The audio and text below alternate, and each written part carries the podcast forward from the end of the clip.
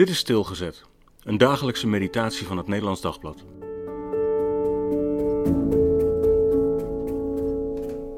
Laten begaan. 2 Samuel 3, vers 4 en 5. David kreeg in Hebron zes zonen. De oudste was Amnon, de tweede was Kileab, de derde was Absalom, de vierde was Adonia, de vijfde Sephatja, de zesde was Jitream. Zes vrouwen had David in die beginperiode in Hebron. Zes.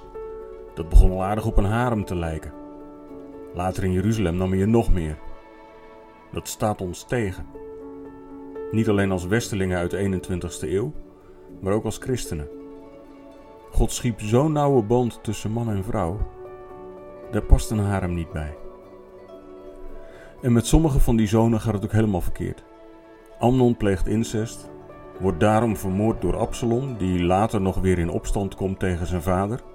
Ook Adonia komt in opstand. Was dat niet het gevolg van het opgroeien binnen zo'n ongezond samengesteld gezin? Heer, waarom hebt u dat ooit laten begaan? En om bescheiden te blijven, wat laat u bij ons nog begaan?